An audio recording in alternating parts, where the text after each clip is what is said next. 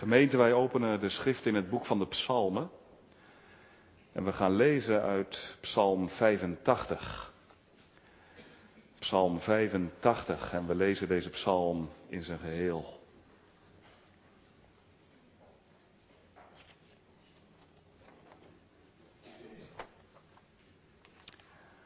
Psalm 85. Een psalm voor de koorleider van de zonen van Korach. U bent uw land goed gezind geweest, heren. U bracht een omkeer in de gevangenschap van Jacob.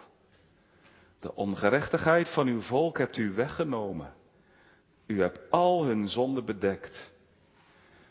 U hebt al uw verbolgenheid weggenomen.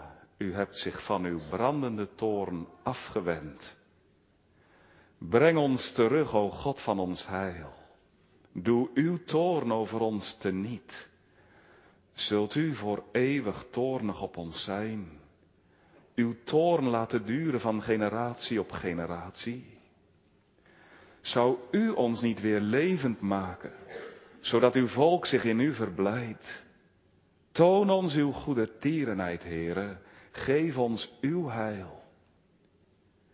Ik zal horen wat God de Heere zal spreken. Want hij zal tot zijn volk en tot zijn gunstelingen van vrede spreken. Maar laten ze niet tot dwaasheid terugkeren. Ja, zijn heil is nabij hen die hem vrezen, zodat er eer in ons land woont. Goede tierenheid en trouw ontmoeten elkaar. Gerechtigheid en vrede kussen elkaar.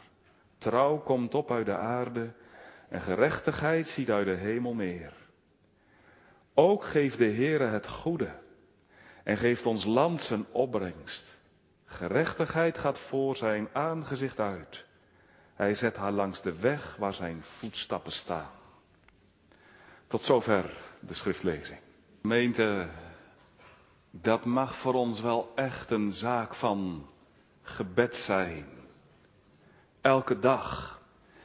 Dus werkelijk iets om dagelijks voor te bidden. Geestelijke herleving.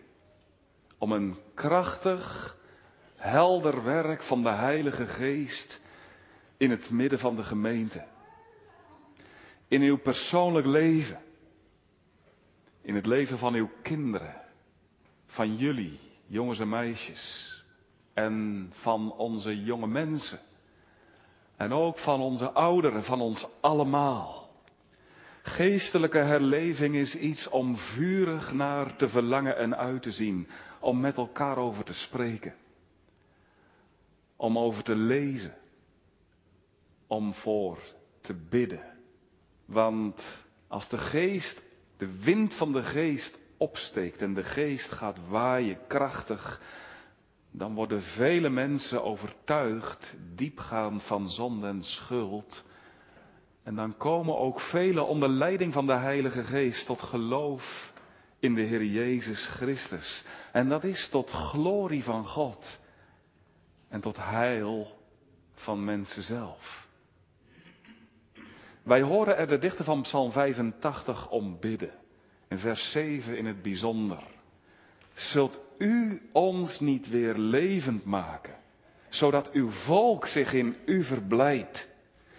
Here, zult u het niet doen, ons levend maken? Levend maken. Je mag ook vertalen, zult u ons niet laten herleven? Zo doet ook de King James Version het. Will thou not revive us again? Revive. Revival. Herleving. Nu, dan willen we vanmorgen met Gods hulp bij stilstaan. Het zevende vers, Psalm 85. Zult u ons niet weer levend maken, zodat uw volk zich in u verblijdt? Thema voor vanmorgen, gebed om geestelijke herleving. We hebben drie gedachten. In de eerste plaats de bron van geestelijke herleving.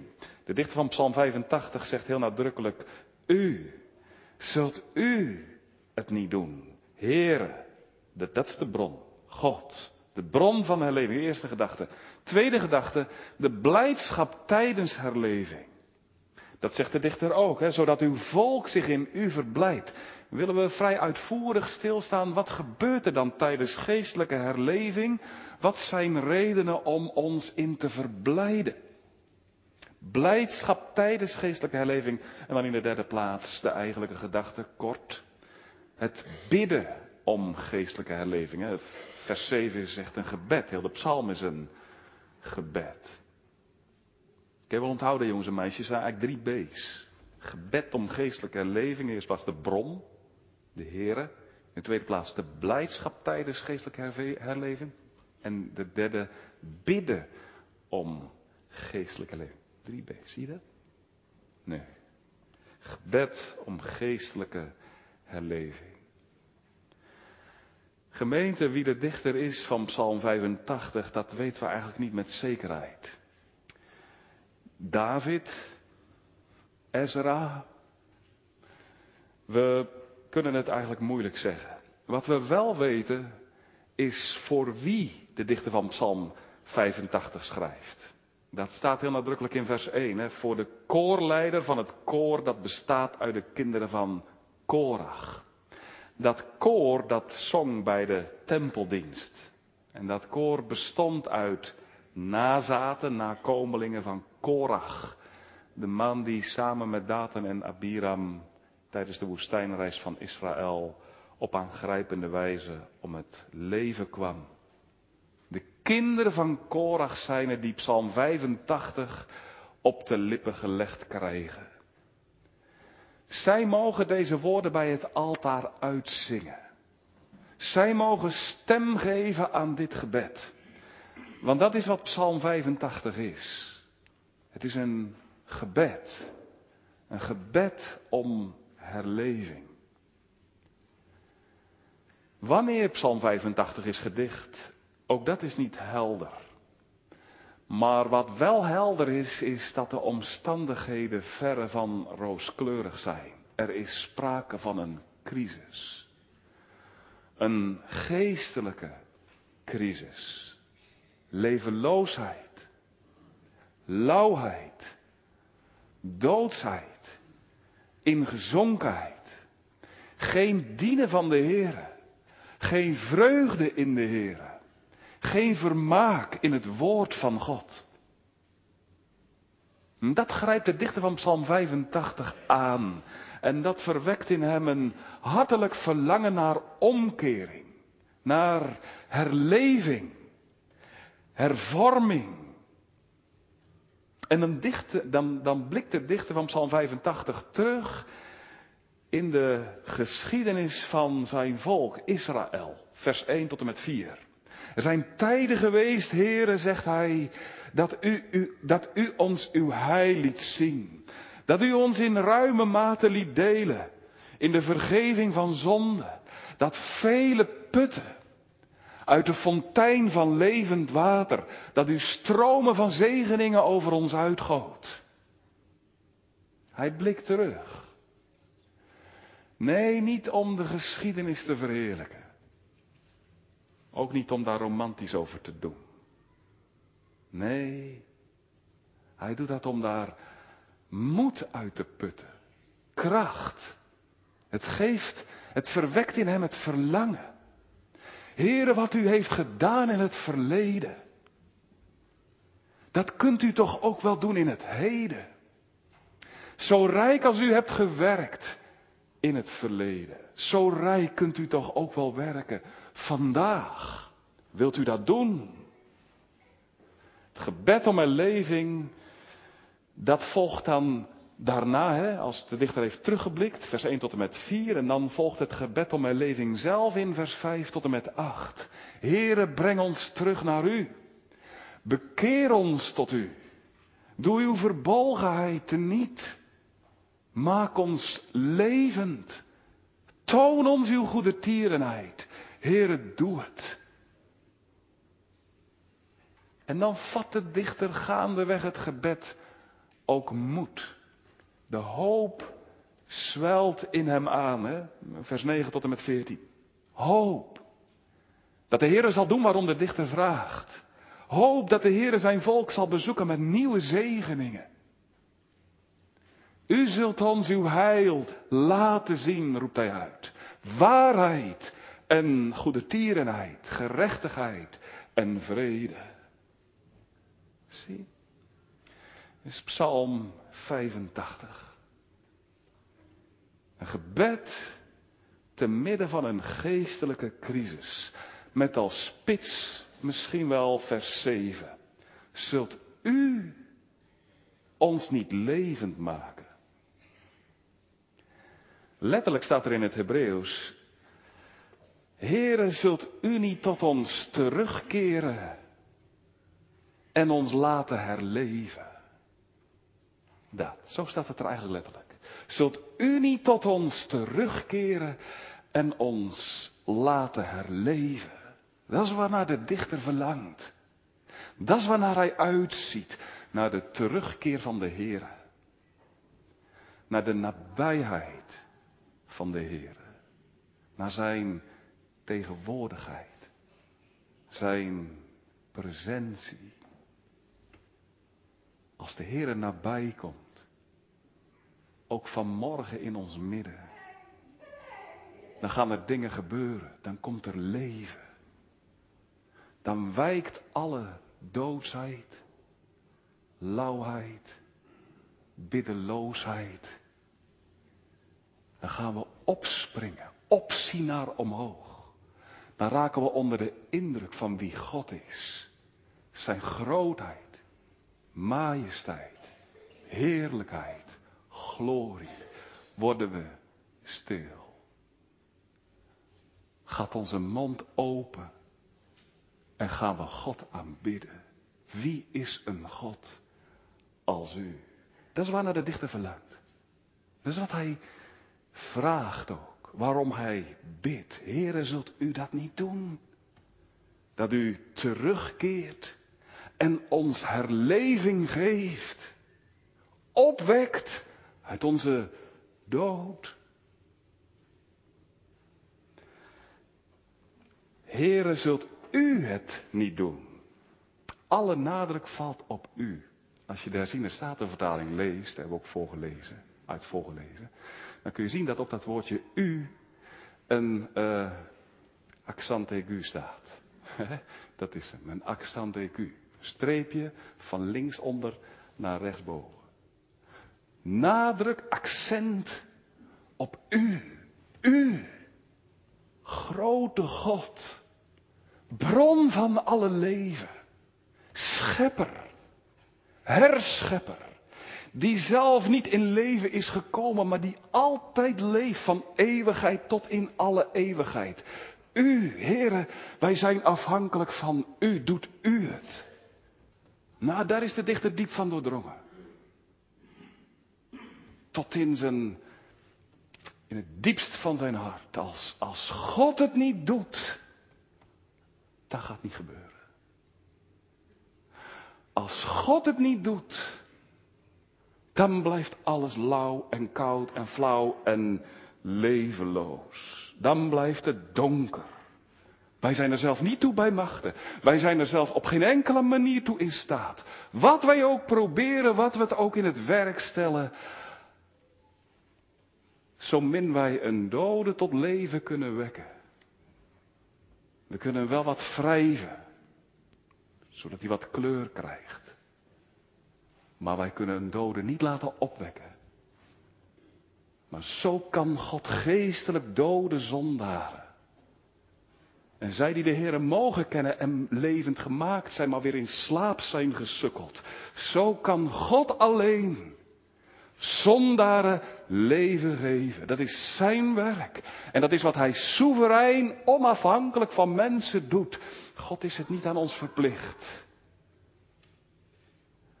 God laat zich daar ook niet in bedillen, verre van dat.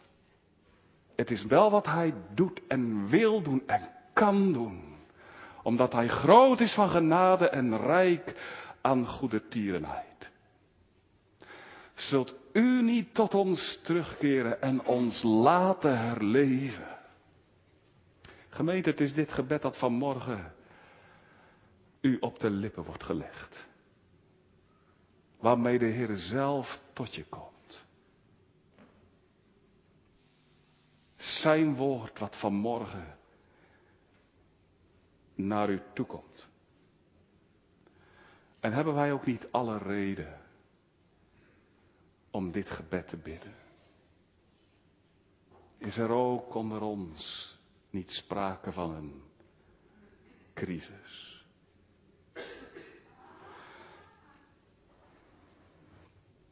Zeker,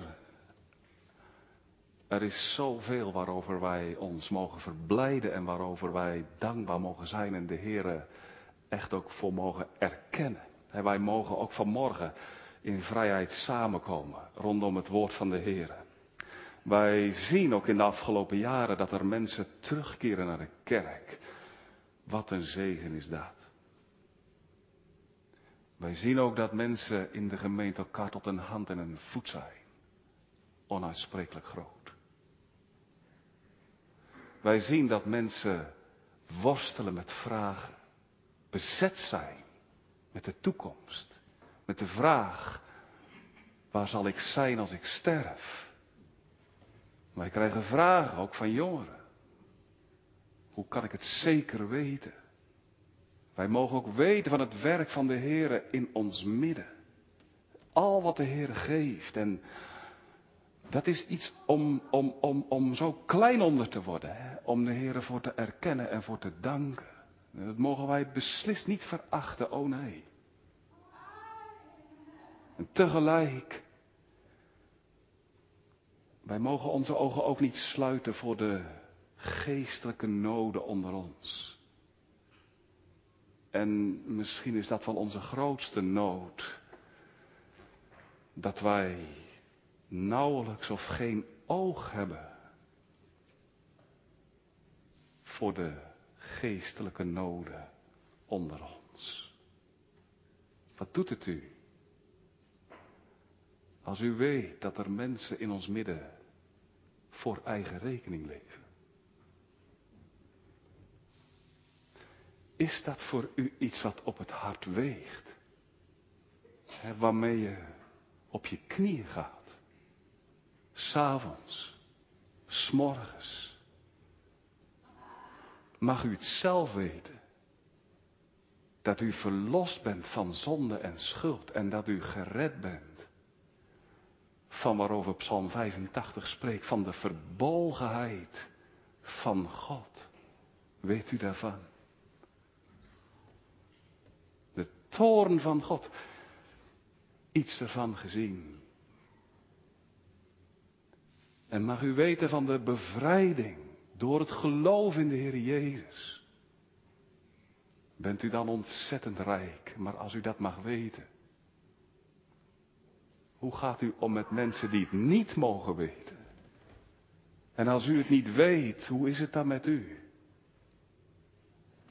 Dan leef je werkelijk, misschien ben je wel op vakantie geweest in de bergen in Zwitserland, of waar ook. Maar als je dan misschien wel wandeling hebt gemaakt en je ziet de afgronden onder je, maar het is werkelijk waar dat als je onbekeerd bent, je langs een afgrond wandelt van eeuwig vuur. Hoe is het met ons? Zijn dat dingen die ons bezetten? Hoe denken wij over de waarde van het bloed van de Heer Jezus Christus? Verheugen wij ons als we vrij zijn geweest? Waar heb je nou echt je ware vreugde in gevonden? Heb je mogen zien op Christus? Ben je mogen heb je mogen huppelen van vreugde. Ik heb hem ontmoet. wanneer was het voor het laatst? Vroegen ze in Friesland aan mij. Oh man. Dominee, want daar zijn ze rechtstreeks hè, in Friesland. Hier ook trouwens. Dat is ook wel goed. Dominee, wanneer heb je de Heer Jezus voor het laatst ontmoet? Oh, ik zeg, oh man. Ja, ja, zeg eens. Zeg eens. Maar mag ik dat u vanmorgen vragen? Wanneer heb u de Heer Jezus voor het laatst gekust? Is er niet sprake ook van een geestelijke nood onder ons? Hebben we daarom geen reden om dit gebed te bidden? Kerkbreed, u weet dat wel, ik kan er vanmorgen niet te lang bij stilstaan. Ik ben s'morgens altijd bang dat ik over de tijd heen ga. Als het vanmorgen ook gebeurt. Het zou zo kunnen, maar ik hoop dat de Heer mij beperkt in de stof. Maar um, wat wil ik zeggen? Ik kan er vanmorgen niet te diep op ingaan op de crisis die er kerkbreed is. Maar daar is wel sprake van, nietwaar? Van, van Gods verduistering, van verlating. Dat gaat ons niet voorbij. En juist daarom is het zo nodig dat de Heer ons met zijn heil bezoekt en ons geestelijke herleving geeft. Een revival, een revij, een opwekking in de bijbelse zin van het woord. En waar de dichter van Psalm 85 van doordrongen is, daar mogen ook wij wel van doordrongen zijn dat wij daar zelf niet toe in staat zijn. Dat is wat wij zelf niet kunnen bewerken. Geen dominee, geen ouderling. Daar zijn geen methoden voor, er zijn geen middelen voor, geen technieken. Dat is het vrije werk van de Heer. Dat is alleen wat God doet en in het bijzonder God de Heilige Geest. Die Heere is een levend maakt. Maar laat dat voor ons vanmorgen juist een aanmoediging zijn. De Heilige Geest kan het. De Heilige Geest doet het. De Heilige Geest heeft het in de geschiedenis al zoveel gedaan. En laten wij daarom ook dit gebed tot de onze maken. En, en vanuit het diepst van ons hart opzenden naar omhoog. Heilige Geest, doorwaai ook de hof van Oud-Beierland. Ga ons niet voorbij. Wij zijn het die het het hardst nodig hebben. Ah, ik denk de kerk iets verderop. Wij, die ook. Laten we ook daarom bidden. Zegen anderen, maar zegen ook mij. Dat is onze eerste gedachte. De bron van geestelijke leving. Wat gaat er dan gebeuren? Laten we daarop letten in onze tweede gedachte. De blijdschap tijdens herleving. Want als de Heilige Geest krachtig gaat werken, man, dan krijg je alle reden om je te verblijden. Als je de Heer kent, geeft het echt oorzaak van vreugde. Waarom? Wat doet de Heer dan? Wel, dat kun je ook lezen in de geschiedenis. De psalmist kijkt ook terug in de geschiedenis van Israël. Mogen wij ook doen. Israël in de tijd van het Oude Testament. Maar ook de Nieuw-Testamentische kerk is in het bijzonder ook vele malen rijk gezegend door de Heilige Geest. Op de dag van Pinksteren, maar ook in de eeuwen daarna. Als je terugkijkt in de geschiedenis, dan zie je dat de Heer voortdurend dan hier en dan daar stromen van zegeningen laat regenen onder de mensen. En wat, wat gebeurt er dan?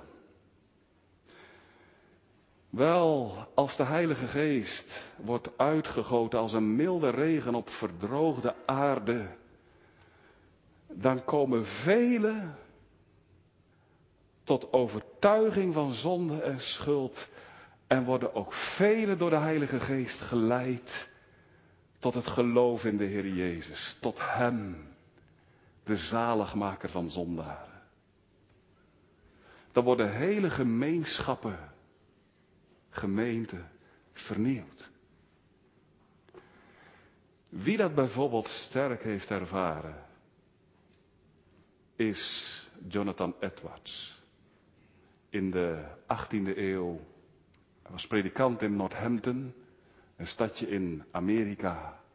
En hij geeft daar ook verslag van, wat er gebeurde. Toen vrij onverwachts een krachtig werk van de Heere zich openbaarde.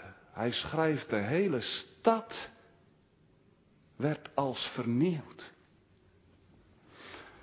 Het was alsof de tegenwoordigheid van de Heere, zo schrijft hij in een verslag daarover, alsof de tegenwoordigheid van de Heere de stad vervulde. Overal waren mensen die diep onder de indruk waren van wie God is. Overal, zegt hij, waren mensen in tranen. Daar weenden mensen, schrijft hij, vanwege berouw. Overtuigd van wie ze waren in het oog van God. Hij zegt, maar er waren ook mensen die weenden van vreugde. Verblijd vanwege het heil in de Heer Jezus Christus. Tot dan toe, zegt Edward, spraken jonge mensen eigenlijk alleen maar over allerlei wereldse zaken. Daar lag hun hart. Over ditjes en datjes. Ze gingen wel naar de kerk. Maar de boodschap van het woord, dat zei hen eigenlijk nagenoeg niks. Dat liet ze koud. Ze gingen op in de dingen van de tijd. Totdat. Totdat de Heilige Geest de prediking van Edwards in het bijzonder gebruikte. En toen zagen ze, we zijn op weg naar de ontmoeting met God. Wij kunnen zo, zoals wij zijn, niet voor God verschijnen. Zij raakten in nood. Op de knieën. Gingen smeken om ontferming. En velen kregen die ook. Vonden genade. Op grond van het werk van de Heer Jezus Christus. En Edward schrijft. Alles in hun leven veranderde. Ook hun gesprekken. Die gingen nog maar over één iemand. Over hem die hen alles waard was, de Heer Jezus Christus. Edwards die schrijft. Als je in die tijd door de straten van Northampton liep. En het was ongeveer rond etenstijd, s'avonds. Hij zegt, dan hoorde je uit elk huis, bijna elk huis, gezang. Kinderen die samen met ouders zongen psalmen, geestelijke liederen. Verblijd vanwege de daden van God in hun leven. Northampton ondergingen, wij zouden zeggen, metamorfose. Werd vernieuwd. Dat is wat je vindt in tijden van herleving. Vele mensen die in naam christen zijn, worden waarlijk tot God bekeerd. Wat je ook ziet, is dat velen die denken dat ze bekeerd zijn, en die denken dat ze geloven, ontdekken dat ze het niet doen.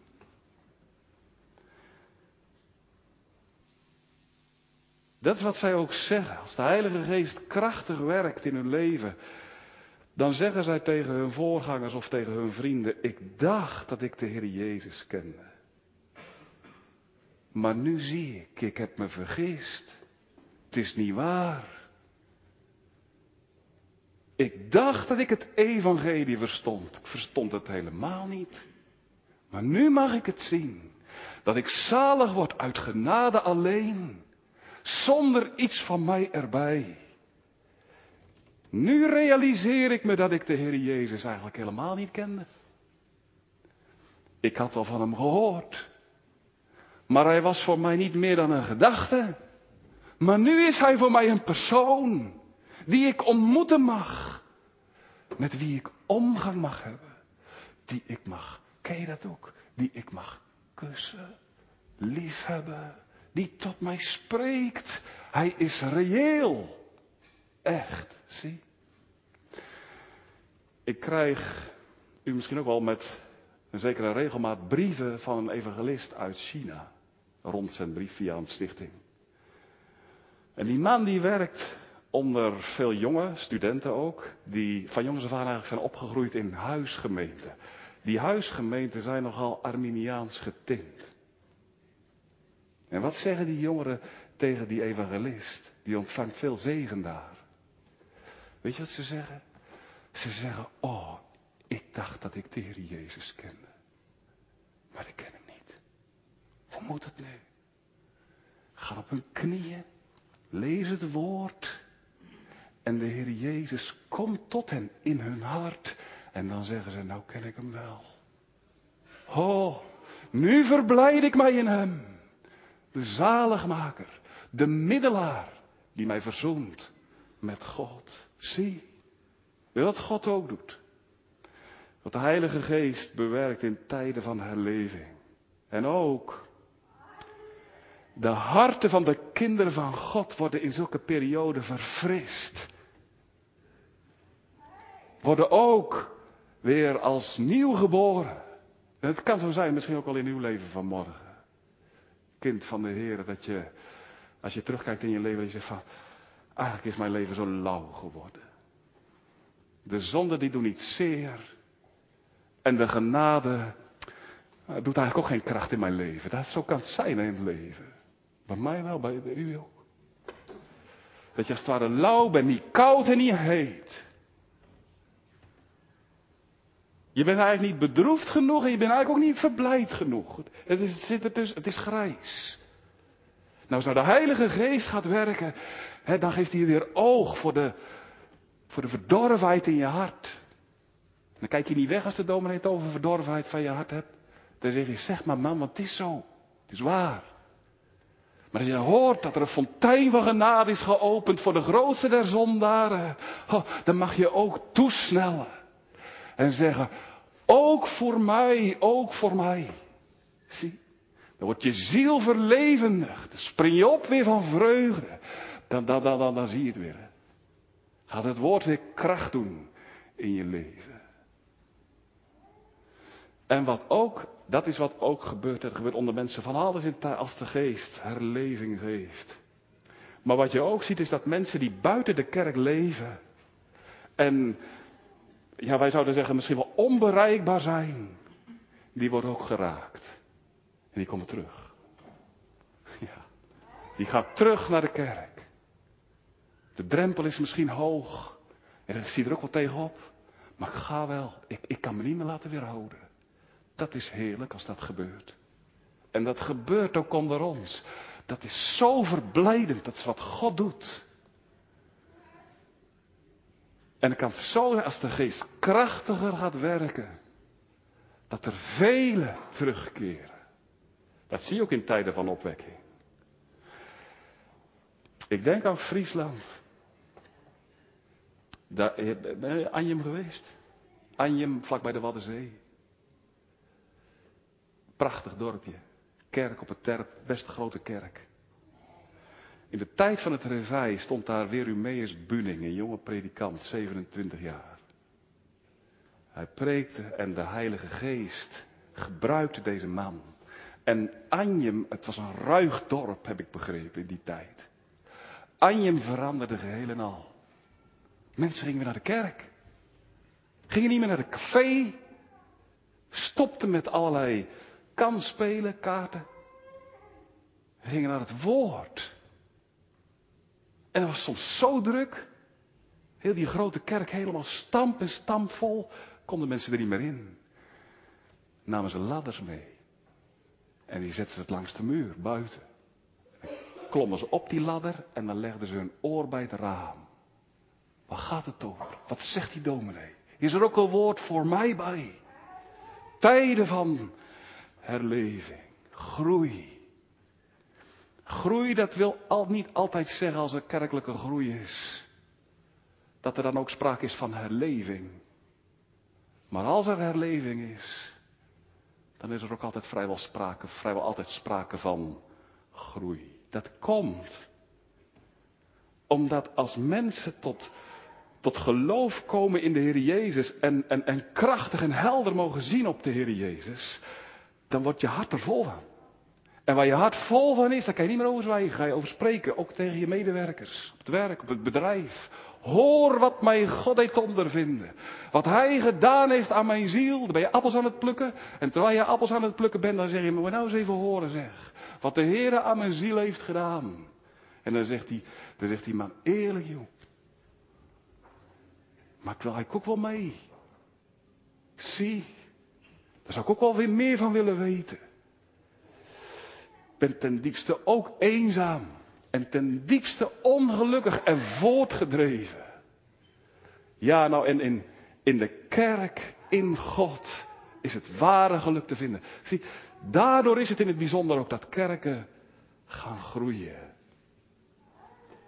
Daarom getuig van wie God is. Een middel wat de geest wil gebruiken. En zo raakt de Heilige Geest in tijden van herleving harten van allerlei soorten mensen aan. Dan komt er beweging, geestelijk. Het is toch verblijdend als dat gebeurt? Is dat niet verheugend? Wat gebeurt er dan? Wat doet de Heilige Geest dan precies? Als hij dit gebed verhoort, zult u ons geen herleving geven als God dat wel gaat doen, daadwerkelijk. Wat gebeurt er dan?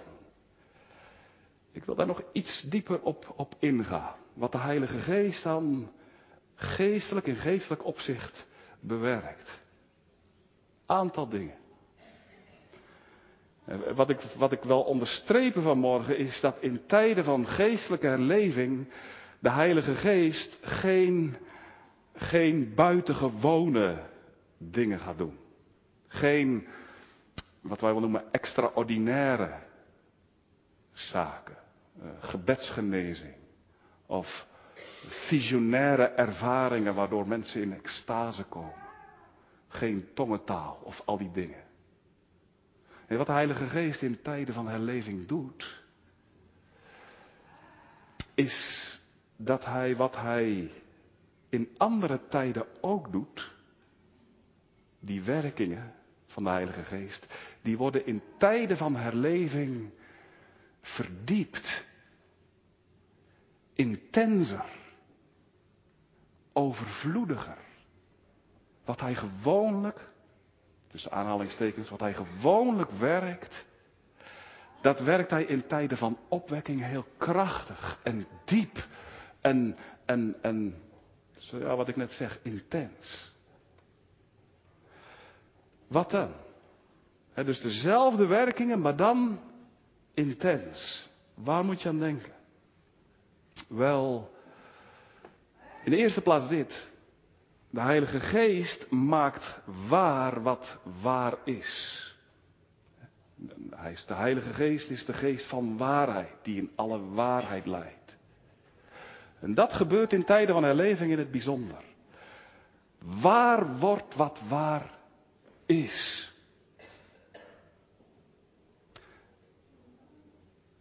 Kijk, wij, wij weten wat, je kunt weten wat waar is, terwijl het je eigenlijk toch niet raakt. Terwijl het je toch niet bezet. Hè?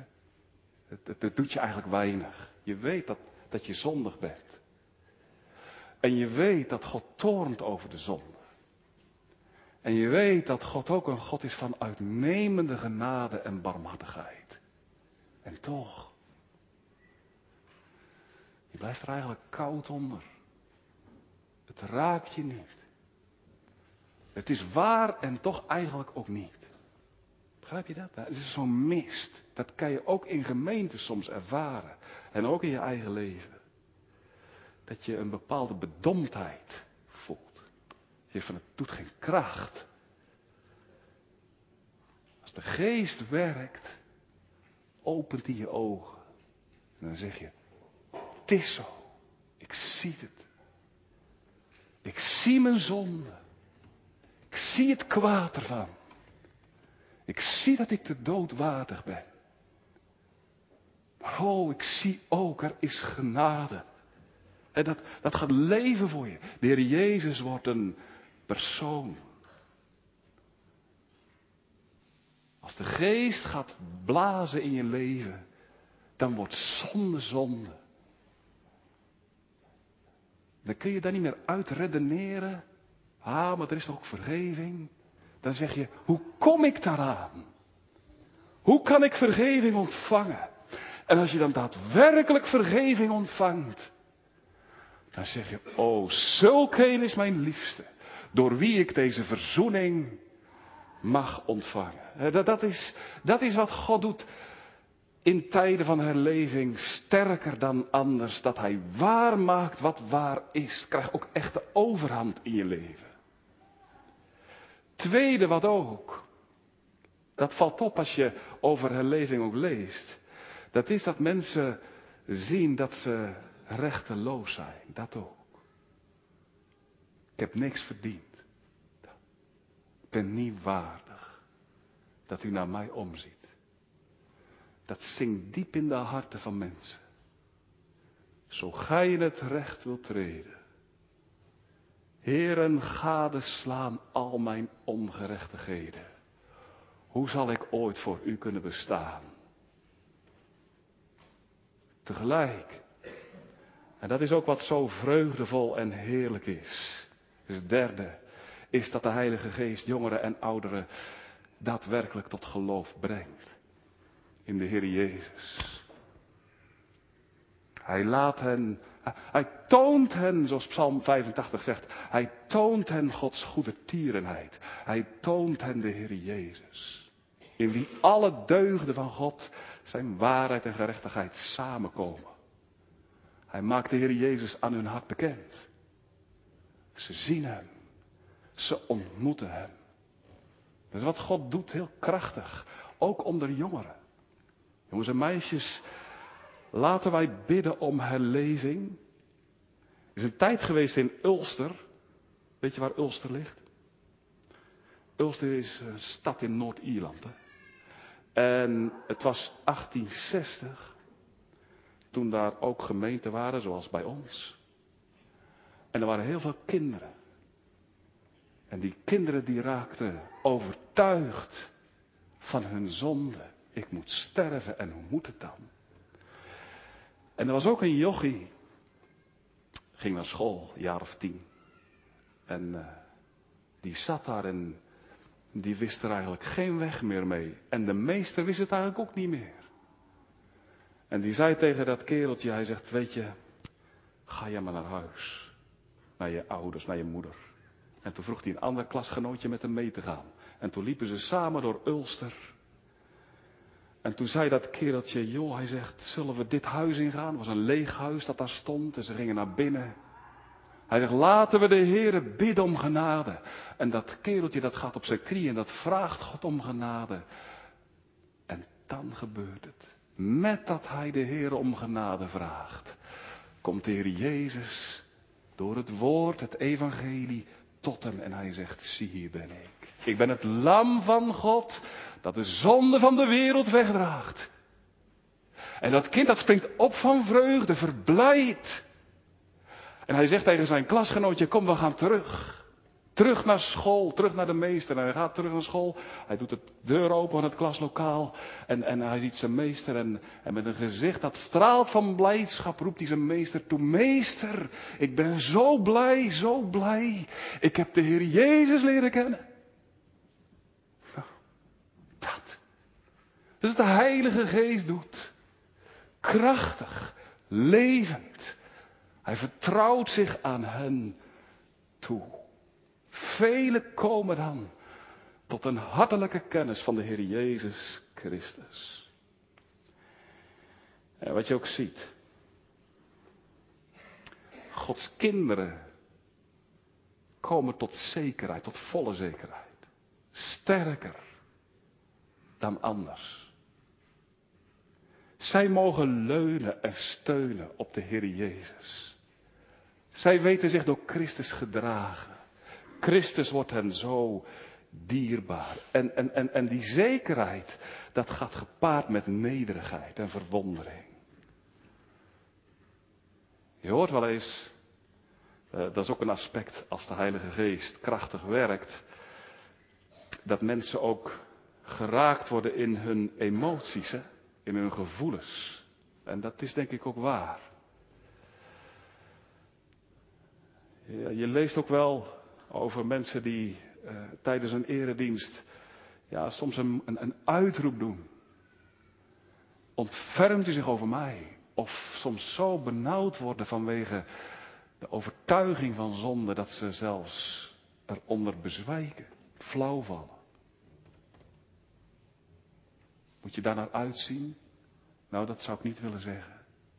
Zeker niet. Het is wel, kijk, gevoelens spelen wel een rol. Maar toch, als je je in herleving ook verdiept, dan zie je juist dat, dat, dat ware bijbelse geestelijke herleving zich juist laat kenmerken door ontzag, door stilte, door kalmte. Mensen raken onder de indruk. Het woord legt beslag. De heerlijkheid van God. De schoonheid van God. De heiligheid van God. En dat maakt dat mensen stil worden. Stil voor God. Eerbiedig. God is zo groot. Zo heilig. Ik denk aan George Whitefield. preekte voor op een dag voor vele honderden mijnwerkers. Mannen die kolen hadden losgebikt in de mijnen en die kwamen uit de schacht omhoog, zwarte gezichten en daar in de open lucht preekte Whitefield over de noodzaak van wedergeboorte. En die mannen die stonden ademloos te luisteren. De woorden van Whitefield vulden hun harten. Terwijl ze luisterden, vloeiden de tranen uit hun ogen. En ze trokken over hun zwarte gezichten, witte sporen. Diep onder de indruk van de grootheid van God en van de barmhartigheid van God. Het ontroerde hen. Zie. Nou, wat het ook uitwerkt. Bekering. Dat. Breken met zonde. Daar komt een reformatie. Daar zou ik nog veel meer over kunnen zeggen. Maar dat kan ik vanmorgen niet meer doen. Bekering. Wel wezenlijk kenmerk. Een breken met de zonde. Samenkomen rondom het woord. En tot slot blijdschap. Dat is wat geestelijke opwekking ook uitwerkt. Al deze zaken zijn reden van grote blijdschap. Een echte geestelijke opwekking zonder blijdschap is even onmogelijk als een lente zonder bloemen. En als een dageraad zonder licht. Er is blijdschap in de hemel over één zondaar die zich bekeert. Hoeveel te meer blijdschap is er niet over velen die zich tot God bekeren. En wat is er blijdschap onder de kinderen van God als mensen de knie buigen voor koning Jezus. Zou je niet blij zijn als je dat ziet? Als er iemand naar je toe komt, je kinderen maar, en ze zeggen, pa, ik heb de Heer Jezus ontmoet. Zou dat moeder je niet je meest blijde dag zijn? Dat, is dat niet je meest blijde dag? Ga je dan niet huppelen van vreugde? Dat is onmogelijk. Ik heb alles geprobeerd. Alles brak me af. Toen deed God het. Nou, laten wij, en, en, en nu moet ik gaan afronden. En dat wil ik doen met een appel op u allemaal. Om te bidden om geestelijke herleving. Om elke dag je knie te buigen. Doe je het. Hè? En elke dag te vragen, heren, ontfermt u zich over de gemeente van Oud-Beiland. Bid om herleving. Doe het. Vraag de Heer om nieuwe uitgietingen van de Heilige Geest, opdat jongeren en ouderen zullen vluchten met hun pak van zonde naar het kruis en daar de bevrijding mogen ontvangen.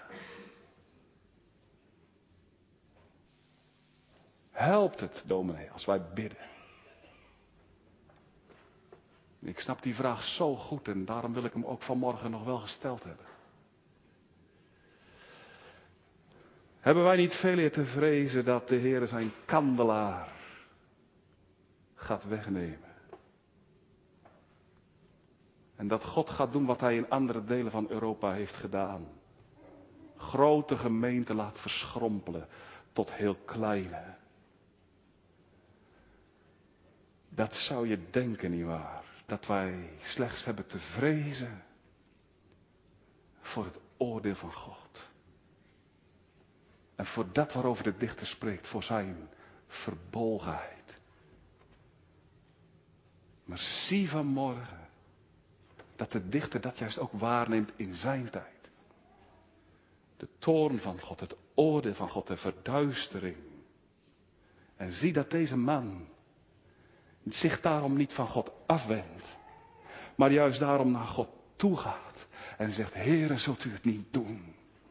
U die zo groot van goede tierenheid bent, die alle macht heeft in hemel en op aarde, zult u het niet doen? En dan krijgt hij verwachting. U zult het toch wat doen. Want u bent toch vol van goede tierenheid en van genade. Zie. Nou doe het zo. Heren, verdiend hebben wij het totaal niet. We zijn het onwaardig. Wij kunnen geen enkel recht laten gelden waarom u het bij ons wel zou moeten doen en bij anderen niet. Maar zegen anderen en zegen ook ons uit genade, omdat u genadig bent. Nu, ik wil eindigen met wat ik las over een man uit Wales. Die verlangde ook zo vurig naar haar leven. En die ging naar predikanten toe. In zijn kerkgemeente. Hoe moet dat? En die predikanten keken hem meewarig aan en die zeiden van ja, wat moeten we hier nou op zeggen? En toen kwam hij bij een ouder gemeentelid, een kind van de Heer, en die zei, mag ik jou een raad geven? Organiseer niets en trek je terug in je binnenkamer. Trek een cirkel op de grond, denkbeeldig. Ga daarin liggen. Buig je knieën en zeg, O God, geef herleving en begin bij mij. God heeft dat gebed verhoord. Die man kwam tot herleving. En ook mensen in zijn omgeving. Wijze raad. O, mogen we elkaar die raad vanmorgen geven. Ga je binnenkamer in. Trek een denkbeeldige cirkel. En zeg, o Heere. Geef herleving. En begint u bij mij. Amen.